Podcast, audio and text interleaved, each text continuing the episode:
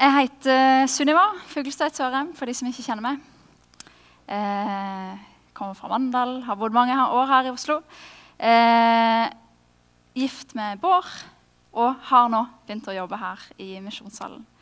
Ole André sa jo det. Han er min nærmeste kollega. Eh, begynte å jobbe rett over nyttår, så det er ganske ferskt. Eh, det har vært veldig gøy til nå. Eh, men jeg jobber ennå med å liksom skjønne hva jeg egentlig holder på med. Men en av de tingene jeg holder på med, det er jo iallfall å forkynne. Eh, og når jeg fant ut eh, rett før jul cirka, jeg hadde en samtale med Kjetil om at jeg skulle få denne talen, så kjente jeg med en gang at eh, oh, Det kommer til å bli litt ekstra krevende. Eh, vi er inne i en taleserie om vennskap. Og eh, denne eh, gudstjenesten sitt tema det er vennskap gutt og jente.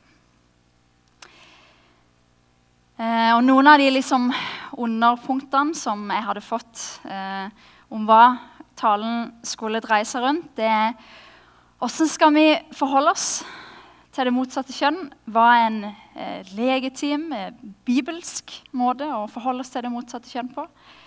Eh, og egentlig rett og slett dette her med kjærlighetsrelasjoner. Og jeg kjenner at jeg har eh, grua meg, og jeg har strevd veldig med denne talen. Fordi det er vanskelig. Og fordi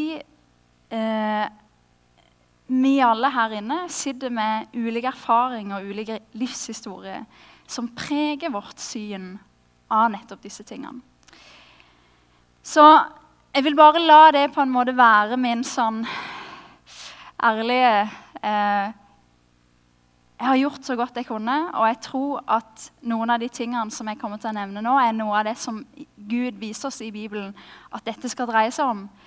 Og så håper jeg at dere de gangene jeg kanskje eh, formulerer meg eh, på en måte som kanskje treffer noe i det på en eh, måte som du ikke likte, eller sånn, så ber jeg om at dere tar meg i beste mening.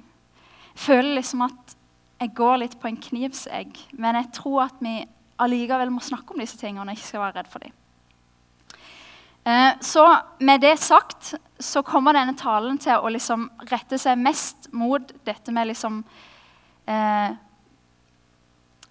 Romantiske relasjoner, eh, dating, kjæreste, ekteskap. Liksom de tingene når vi snakker om gutt, jente. Det er så mange ting vi kunne sagt, men det er liksom det som jeg velger å fokusere på. Um, Så nå starter jeg klokka. sånn sant, De minutter nå, de talte talt ikke. Eh, jeg ber en kort bønn. Gode Gud, vi takker deg for at du er her nå. Og for at eh, du hver uke kaller sammen til gudstjeneste hvor vi kan få være sammen med deg og høre ditt ord. Eh, vi ber Gud om at du må eh, vise oss hva du i Bibelen ønsker å si oss om disse tingene. Må du veilede oss. Eh, og den enkelte av oss der vi er nå i livet, og framover resten av livet i disse tingene. Gode Gud, må du fylle meg med din Hellige Ånd akkurat nå. Amen.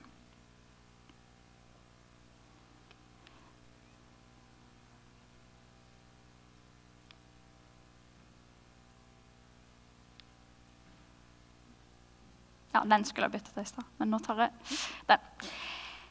I den verdenskjente filmen fra 1960-tallet, 'La Dolce Vita', så utspiller det seg en veldig sånn sensuell, romantisk scene ved Trevi-fontenen i hjertet av Roma. Den forlova kjendissladderjournalisten eh, Marcello møter den vakre og berømte Sylvia. Og De to de tilbringer en dag sammen vandrende gat langs i Romas fine gate, og de ender opp med Trevefontenen. Og Der eh, kaster Sylvia seg ut i fontenen, lekende, og går bort til liksom, fosseveggen og danser elegant. Og så roper hun til Marcello 'Kom uti, kom uti, du òg'. Og han vasser bort til henne, eh, tar hun på ansiktet og stryker henne ansiktet og ser henne dypt inn i øynene. Men så, plutselig, som en nærmest magisk trolldom som plutselig blir brutt, så stopper vannet. Det blir stille, og plutselig så er daggry kommet over Romas himmel, og øyeblikket er vekke. Dolce vita, som betyr eh, det søte eller det gode liv, den blei, når den først kom på 1960-tallet, den blei boikotta og bannlyst fra mange religiøse eh, miljøer. Fordi den på en måte framstilte en, både en luksuriøs liksom, eh, eh, overfladisk, utsvevende og ikke minst vulgær livsstil. Flere plasser så har denne fått stempel som faktisk en av verdens viktigste filmer. Og den har stått som et sterkt ikon rett og slett, for både liksom framvoksninga av økonomisk vekst og ikke minst den seksuelle revolusjonen. Men det interessante er at det har vært ulike tanker om hva regissøren eh, Fredrico Felleini egentlig prøvde å formidle med denne filmen. Og Kanskje er det bare han som kan svare på det, men en teori har vært at dette var en samfunnskritisk film som ville få fram det overfladiske med disse tingene. Penger, festing, sex osv. Og, og at denne scenen nettopp skulle vise Den har man tolka til at skulle på en måte framstille eh, det romantiske og det sensuelle. Og det skulle være en beskrivelse av de seksuelle driftene og lengslene, men som framviser seg som noe som lover det vakre, som lover frihet, som lover kjærlighet, som lover eh, fulfillment. ikke sant? Som lover, men som ikke innfrir. Feleini han hadde forstått at disse tingene ikke ga en varig lykke. Hva er kjærlighet? Eller hva skal det være? Jeg skal forsøke å ta oss gjennom tre punkter. Og Det første punktet det er at vi har en tendens til å gi eh, romantiske relasjoner den plassen som egentlig var meint for Gud. Og Det andre det er at og, og, det gjør at vi får en forvridd forståelse av kjærlighet. Jeg skal ikke rote i notene til Tobias her. Sånn. Og det andre det er at Gud åpenbarer i Jesus var sann kjærlighet. Og det siste vi skal se på, det er hvordan den kjærligheten hjelper oss til å ha sunne og gode kjærlighetsrelasjoner og relasjoner for øvrig oss imellom.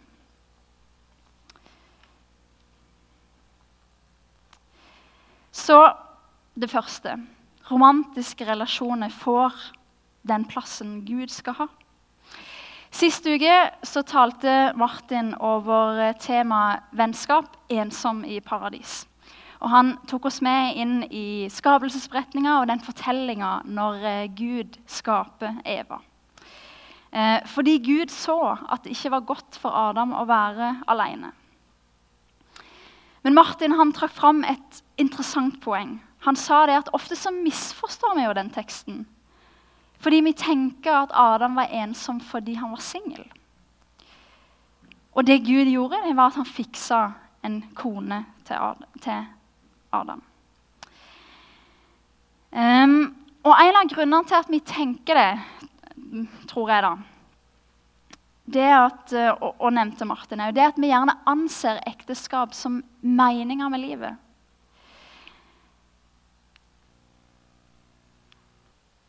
Er det noen som har sett uh, filmen 500 Days of Summer? Ja, dere er for unge, vet du. Ja, ja. Eh, det er veldig mye bra musikk i den filmen. Eh, men der kjenner jeg kanskje den New Girl-jenta. da. Eh, vi tenker gjerne at ekteskap er meninga med livet fordi at vi tenker litt sånn som eh, Tom, det er han eh, mannlige rollen.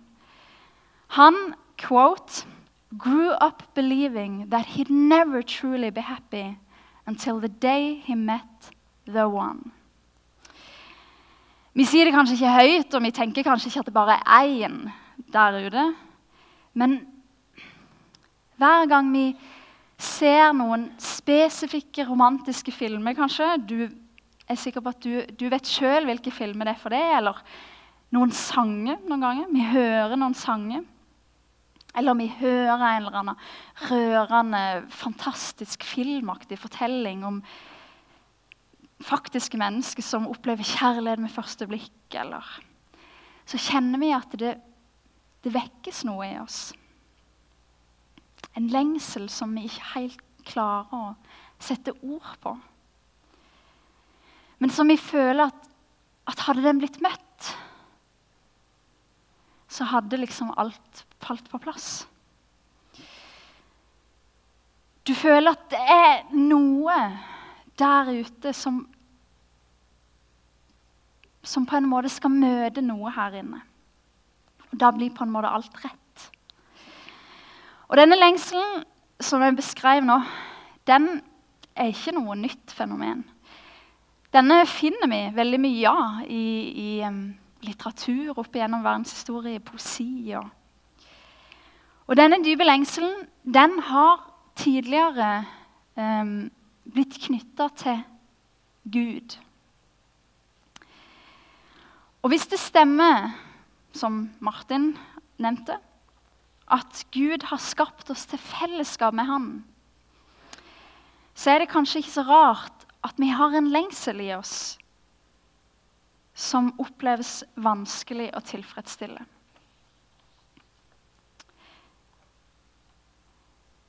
Det er eh, en, flere kristne forfattere som har skrevet det, at vi har et God-shaped hole i oss. Et hull som bare Gud passer inn i. Tidligere i Jeg kan ta vekk den. Tidligere i menneskets historie så, så en på ekteskapet Eh, og familie for kjærlighet, støtte, trygghet. Men når det gjaldt meninga med livet, framtidshåp, en sjølforståelse, å forstå min identitet, så så vi til Gud og til livet òg etter dette livet. Altså i det evige. Men i vår moderne, vestlige kultur, som på mange måter, i, i hvert fall i det offentlige rom, har liksom forkasta Gud, tatt han ut av liksom ligninga, så har vi på mange måter satt romantiske relasjoner i Guds sete. Jeg tror ikke jeg trenger å bruke mange eksempler på å beskrive det, men bare tenk det som populærkulturen på en måte framstiller og produserer i filmer osv. Vi tror innerst inne at romantiske relasjoner skal fylle et sånn utrolig stort hull i oss. At det skal gi mening, at det skal gi fremtidshåp. At, at da blir jeg liksom helt heil. Og dette gjør noe. Det gjør noe med synet vårt på kjærlighet. Det gjør mange ting, men jeg skal nevne tre ting. Det ene er at vi får det jeg vil kalle Jeg har valgt å kalle det det. Eh, så får dere vurdere om begrepet gir mening. Tredemølleromantikken. Tredemølleromantikken det er den rastløse, evigjagende, umettelige jakten som beskrives nettopp i denne filmen 'Dolce Vita'. Marcello han, det nevnte jeg ikke sted, men han er egentlig forlova. Og så treffer han ei annen dame, først ei Madelena. Og så ser han henne, og så tenker han Nei, det er jo hun. Og så Neste dag så treffer han ei annen, Sylvia. Tenker nei, nei, nei, nei, jeg hadde det helt feil. Det er jo, det er jo hun her. Og så plutselig er han tilbake igjen til forloveden. Og så den fjerde dagen igjen så er det enda en. Og så tenker han nei, hun er det. Det er den romantikken som hele veien tenker ja, men det var jo ikke helt det var jo ikke helt det var jo dette. Det var jo ikke helt den følelsen. Det var ikke helt det på en måte var ute etter. Og så blir konklusjonen ja, men da, da er det feil person. Da finnes det noen andre der ute. Vi kjenner den dype lengselen, det, det hullet. Og så kjenner vi at når det ikke da blir fylt, så tenker vi nei, men da, da, da passet ikke den personen inn. Da, da, er det noen andre der ute. Og så fortsetter på en måte den rastløse jakten. Det andre, det er det som vi påfører andre når vi på en måte, kanskje ubevisst, forventer at de skal oppfylle dette i oss. Da legger vi et bokstavelig talt umenneskelig press på dem. Idet vi forventer at de skal fylle det som egentlig er et God-shaped hole. Og så innfrir de ikke. Det selvfølgelig ikke. Og så tenker vi nei, men da, nei, men da er ikke det riktig. Da var ikke det den. Og for det tredje, og som egentlig på en måte liksom omslutter alt egentlig litt, da, hvis en tenker, det er at det er en sjølsentrert kjærlighet. Det handler om et du mye mer enn om et oss eller et deg.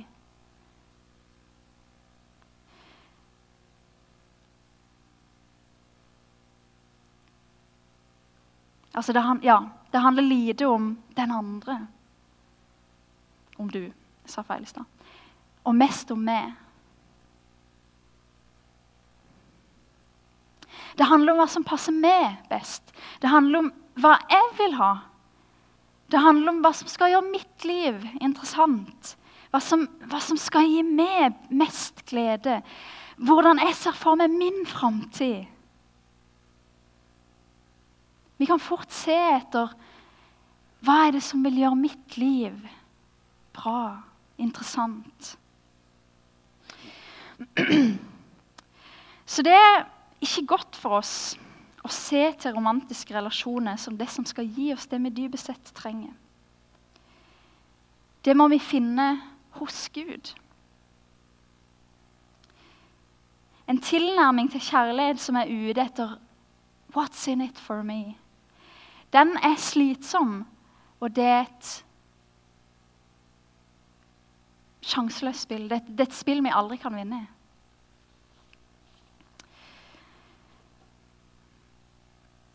Jeg kom til det andre poenget.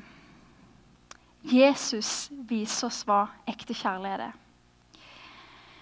Ok, nå har jeg malt det liksom kjipe. Men hva, hva skal vi gjøre, da? Åssen skal vi få et sannere bilde? Hva, hva er kjærlighet? Vi må lære av han som er kjærlighet, han som er forfatteren av kjærligheten. Lengselen som jeg beskrev i stad, det sa jeg jo, det, en, det, er en mye dypere lengsel. Det er en mye større lengsel. På en måte så håper vi på altfor lite når vi retter den mot romantiske relasjoner. Fordi det er noe mye mer enn noe. Og det er akkurat den kjærligheten som Jesus viser oss, og som framstilles for oss i Bibelen. Og e- evangeliet forteller at denne kjærligheten, den lengselen, den, denne kjærligheten eksisterer, og den er tilgjengelig, og den er for oss. Og dette ser vi på iallfall på to måter. Det ene er det at Jesus han ga opp alt for oss. I evangeliet så presenteres vi for en Jesus som ikke opplevde det sånn som oss. Som ikke kjente på en mangel, som ikke kjente på et hull, som ikke hadde en uoppfylt lengsel, men som, som det står i Filippa-brevet, var i Guds skikkelse. Det er vanskelig for oss å se for oss hva det er, ikke sant? men han var i en sånn perfekt tilstand. Han var i kompletthet, han var i fullstendig harmoni.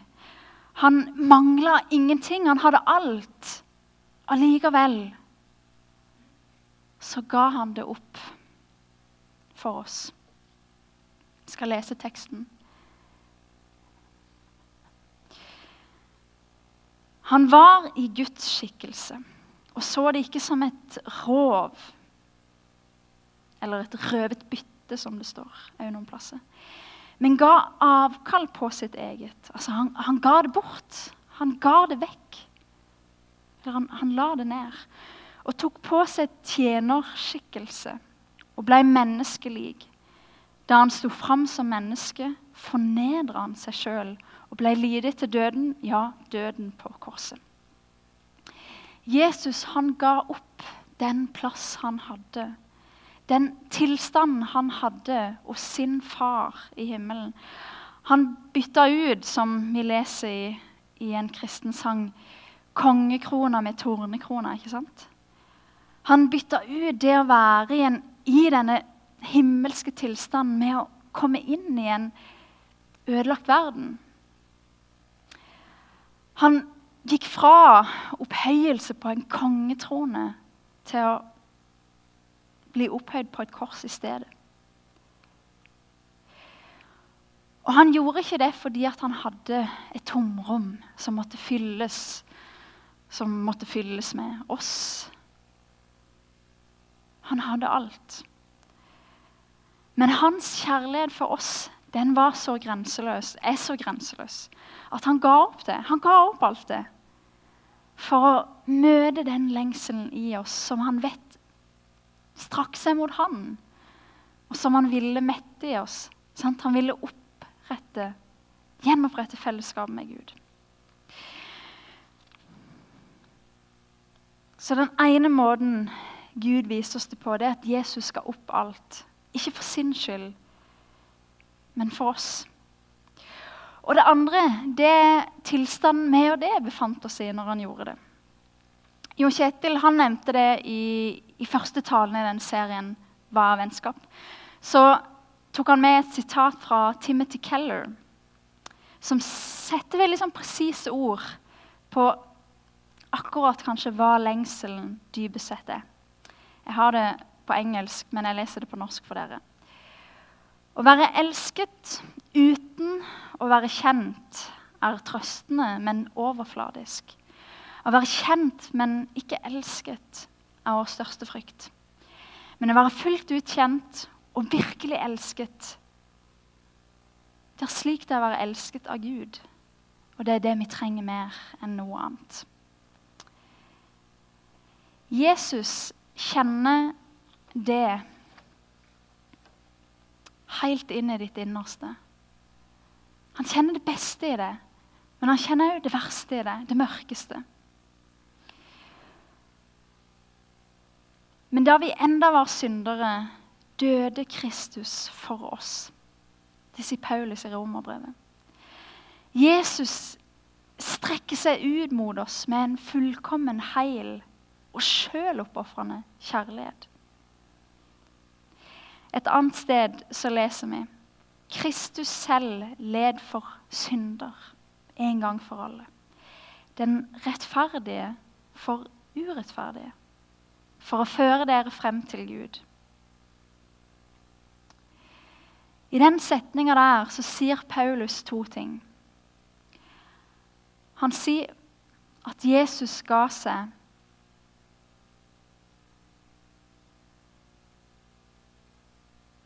Jesus den perfekte ga seg for oss, de fortapte. Og for det andre, han gjorde det med et formål. For å føre oss fram til Gud. For å lede oss hjem. I første Johannes brev Jeg skal ta opp teksten. Der. Så fortelles vi at Gud sendte Jesus for å betale for våre synder. Og så står det at det er det som er kjærligheten. Ikke at vi har elska Gud, men at han har elska oss og sendt sin sønn til soning for våre synder.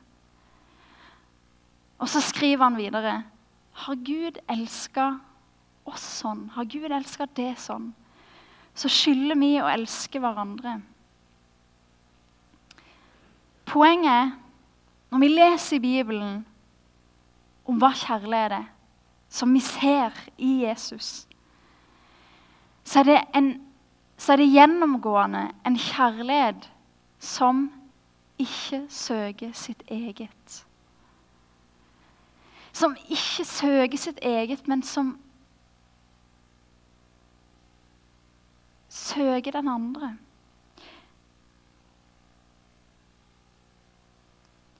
Vi har to eksempler hos Jesus. Han ga opp alt for sin brud, ikke sant?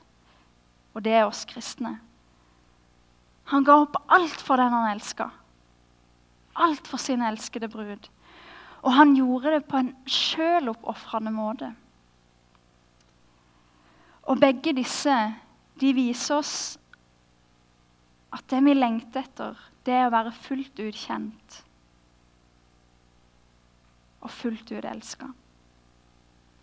Det er det vi lengter etter, og det er nettopp den kjærligheten Jesus strekker seg ut mot oss med. Og nå kommer jeg til det siste poenget. Det er en sånn kjærlighet Gud kaller oss til å elske hverandre med.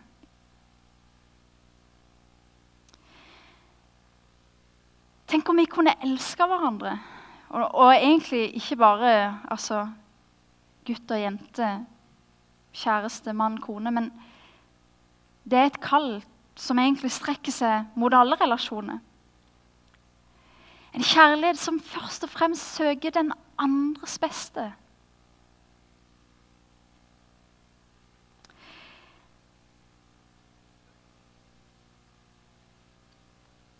Fordi vi nå vet at den den dype lengselen i oss som vi kjenner på. Den kan vi bare fullt ut få metta i Gud. Ikke romantiske relasjoner. Så blir vi med dette, i troa på Jesus, satt fri til å elske hverandre med en kjærlighet som søker å gi framfor å få som retter seg ut istedenfor inn. Som er mer opptatt av den andre enn seg sjøl.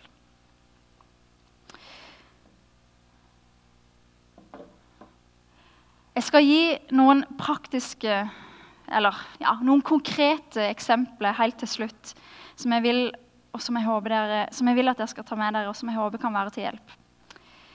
Um, og da har jeg på en måte delt, det inn i forskjellige grupper. Fordi her inne Jeg vet at noen er gift, noen er forlova, noen er kjæreste, noen er single osv. Og, og egentlig så tror jeg at de tingene jeg skal si nå Egentlig så kunne alle vært, alle vært til alle.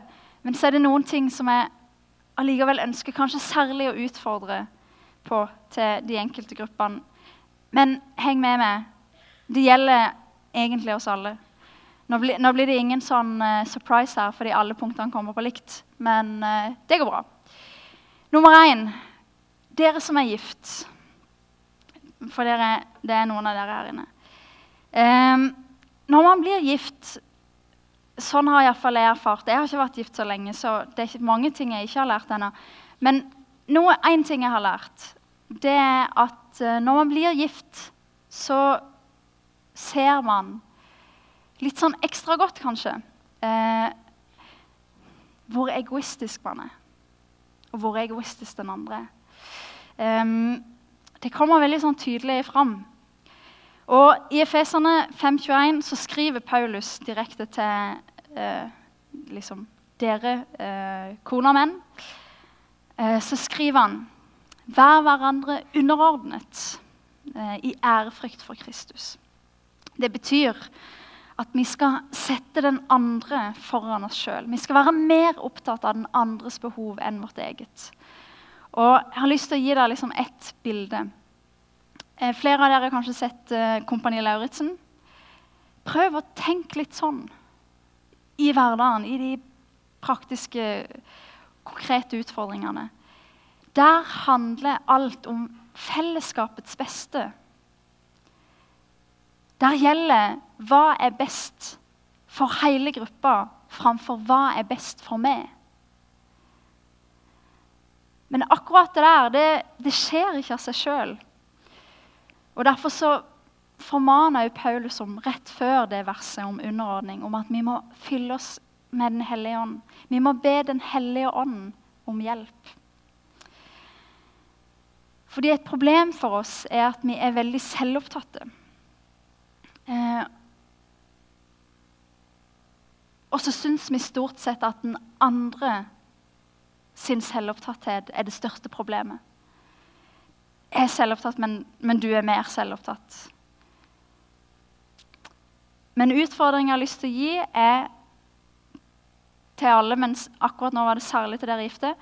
Øv dere i sjølforglemmelse. Altså, ja, glem dere sjøl. Øv dere i å ikke være så selvopptatt. Eh, be Den hellige ånd nettopp om det. Og utfordre dere litt på å gjøre en bestemmelse med dere sjøl om at din egen selvopptatthet, min selvopptatthet, det er det største problemet, og det vil jeg jobbe med. Framfor å umiddelbart påpeke den andres selvopptatthet.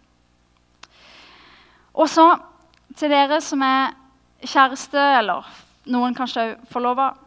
Um, innstill dere allerede nå. Øv dere nå. Det kan godt være noen av dere gjør det. det er kjempebra. Men øv dere allerede nå på at ekteskapet ikke først og fremst handler om å få, men om å gi. Åssen kan dere øve dere i det? Jo, jeg tror dere kan øve dere i det med å behandle den andre ikke som om den andre hele tida er på prøve der dere skal måle med millimetermål. Eh, passer denne akkurat inn i mine behov og lengsler? Kjærestetida er en prøveperiode eh, der vi kan se om kan dette funke med oss for et langt liv. Men hvis vi bruker prøveperioden til pr på en måte måleapparatet vårt blir sånne ting som Bibelen overhodet ikke snakker om at ekteskapet handler om, hvis vi måler etter Hollywood-målet, ikke sant? Hvis vi måler etter du er fin nok til det kommer noen finere, eller du er kul nok til det kommer noen kulere, eller du er morsom nok til det kommer noen morsommere, eller du er smart nok til det kommer noen smartere. Ikke sant?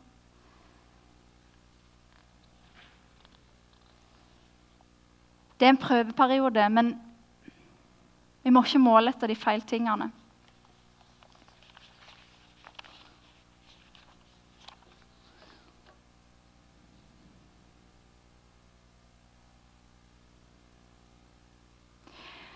Og så til dere som ikke er i et forhold, men som kanskje ønsker å bli det. Um, tenk gjennom hva du styrer etter når du ser etter en, kanskje en potensiell kjæreste. Uh, hva mener jeg med det? Jo, da mener jeg ha det her framme, det som vi akkurat har snakka om. Ha det i pannebrasken at at den du søker etter, verken kan eller skal fylle de sant, dype lengslene i det. Og For det andre, tenk på hva er det Bibelen egentlig trekker fram når den snakker om disse tingene, når han snakker om ekteskap og forhold.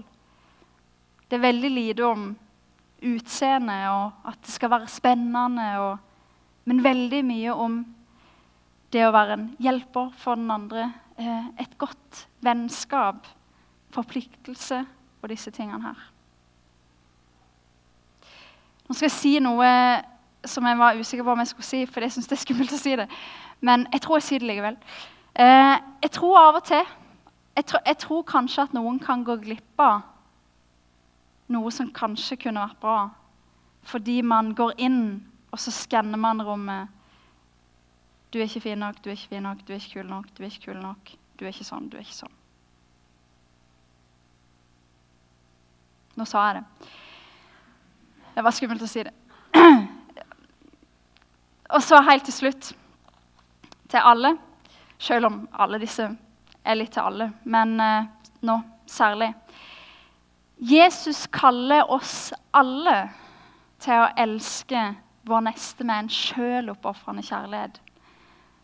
Det gjelder jo i disse relasjonene, men det gjelder i familiene våre, i vennskapene våre, det gjelder i menigheten vår. Det er et kjempe, kjempeviktig poeng for Bibelen. Jesus sier dere skal elske de andre, de neste, sånn som jeg har elska dere. Og det er med en kjærlighet som, som er mest opptatt av den andre. Mest opptatt av den andres behov.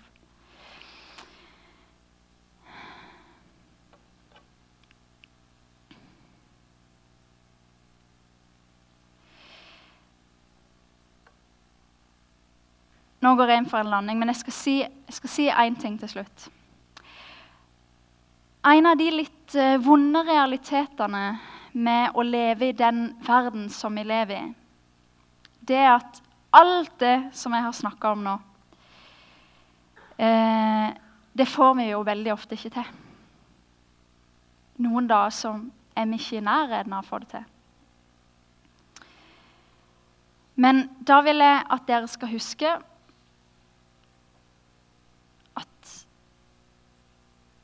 akkurat da, akkurat i det, når vi, når vi ikke får til å leve sånn som Gud eh, ønsker at vi skal leve, eller kalles til å leve, eller oppmodes til å leve, da møter Jesus oss med nettopp den kjærligheten jeg har beskrevet. Og det er en tilgivende og en tålmodig og en medlidende kjærlighet som ikke svikter. Og for alle de dagene som vi ikke greier det, så er det tilgivelse. Og etterpå så skal vi feire nattverd. Og jeg vil at du skal prøve å huske på en ting i dag når du går til nattverd. Når du tar nattverd i dag. Og det er Husk at i det at du drikker vin og spiser brød så får du Guds nåde og tilgivelse. Og det får du helt uavhengig av om du føler det. Hver dag så kaller Gud oss til å vende oss mot Han. Til å bekjenne det som vi ikke får til. Det, skjer hver eneste dag at jeg, at jeg ikke får til ting som jeg burde få til. Og så gir Han oss tilgivelse og så sier han med kjærlighet Prøv igjen. Gode Gud, vi takker deg for uh, den du er. Vi takker deg for at du i Jesus viser oss hva virkelig kjærlighet er. Hva ekte kjærlighet er. Uh, vi ber Gud akkurat nå om at du må med disse ordene uh, legge det inn over hjertene våre, over tankene våre og la oss forstå dette så vi lever på den måten i alle våre relasjoner. At vi lever mest for den andre. Og så ber vi om at du hjelper oss til å huske at den dype lengselen vi kjenner på, den får vi kun oppfylt i det. Hjelp oss til å huske det og hjelpe oss til å òg tro det òg eh, de dagene vi kjenner ekstra på at vi fortsatt lever eh, i ennå ikke-perspektiv. At vi fortsatt lever i den falne verden. Eh, der vi lengter så mye hjem og lengter etter himmelen.